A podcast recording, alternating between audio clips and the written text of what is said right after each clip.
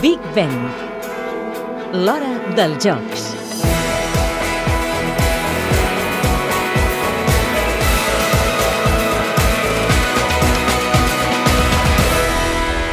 special edition of the Morning Swim Show. I'm your host, Peter Bush. It is a very sad day in the swimming community.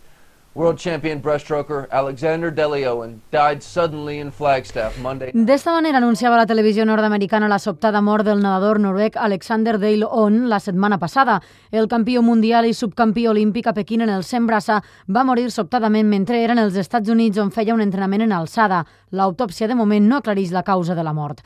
Juntament amb el japonès Kosuke Kitajima, el noruec era el principal favorit a l'or olímpic aquest estiu en Londres. Els dos van protagonitzar una cursa memorable ara fa 4 anys en Pequín. Així ho recordava fa pocs dies Dale Olin. Beijing was a great experience and uh, Pequín va ser una gran experiència. Era jove, però vaig fer una cursa ràpida amb Kitajima i, per suposat, que estic content amb la plata que vaig guanyar. Va ser, de fet, la primera medalla olímpica per a Noruega en uns Jocs Olímpics. Vaig perdre davant un gran esportista. Per mi, Kosuke Kitajima és el millor bracista que hi ha. Ell em fa ser millor, em fa entrenar més, em fa ser més ràpid. El nedador noruec sempre va destacar dins el món de l'esport, tot i que no va començar fent natació.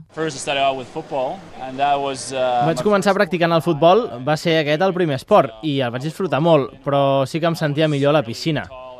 Soc alt i tinc els braços i les cames llargues, i això fa que l'aigua sigui un medi natural per a mi. uh. Vaig uh, començar a nedar més i més, però el meu club va tancar. Aleshores, els meus pares havien de conduir uns 50 quilòmetres cada viatge per portar-me a la piscina a entrenar. I finalment ens vam traslladar a la ciutat per tenir les piscines per entrenar més a prop. Alexander Dale On va morir el passat dilluns 30 d'abril als 26 anys.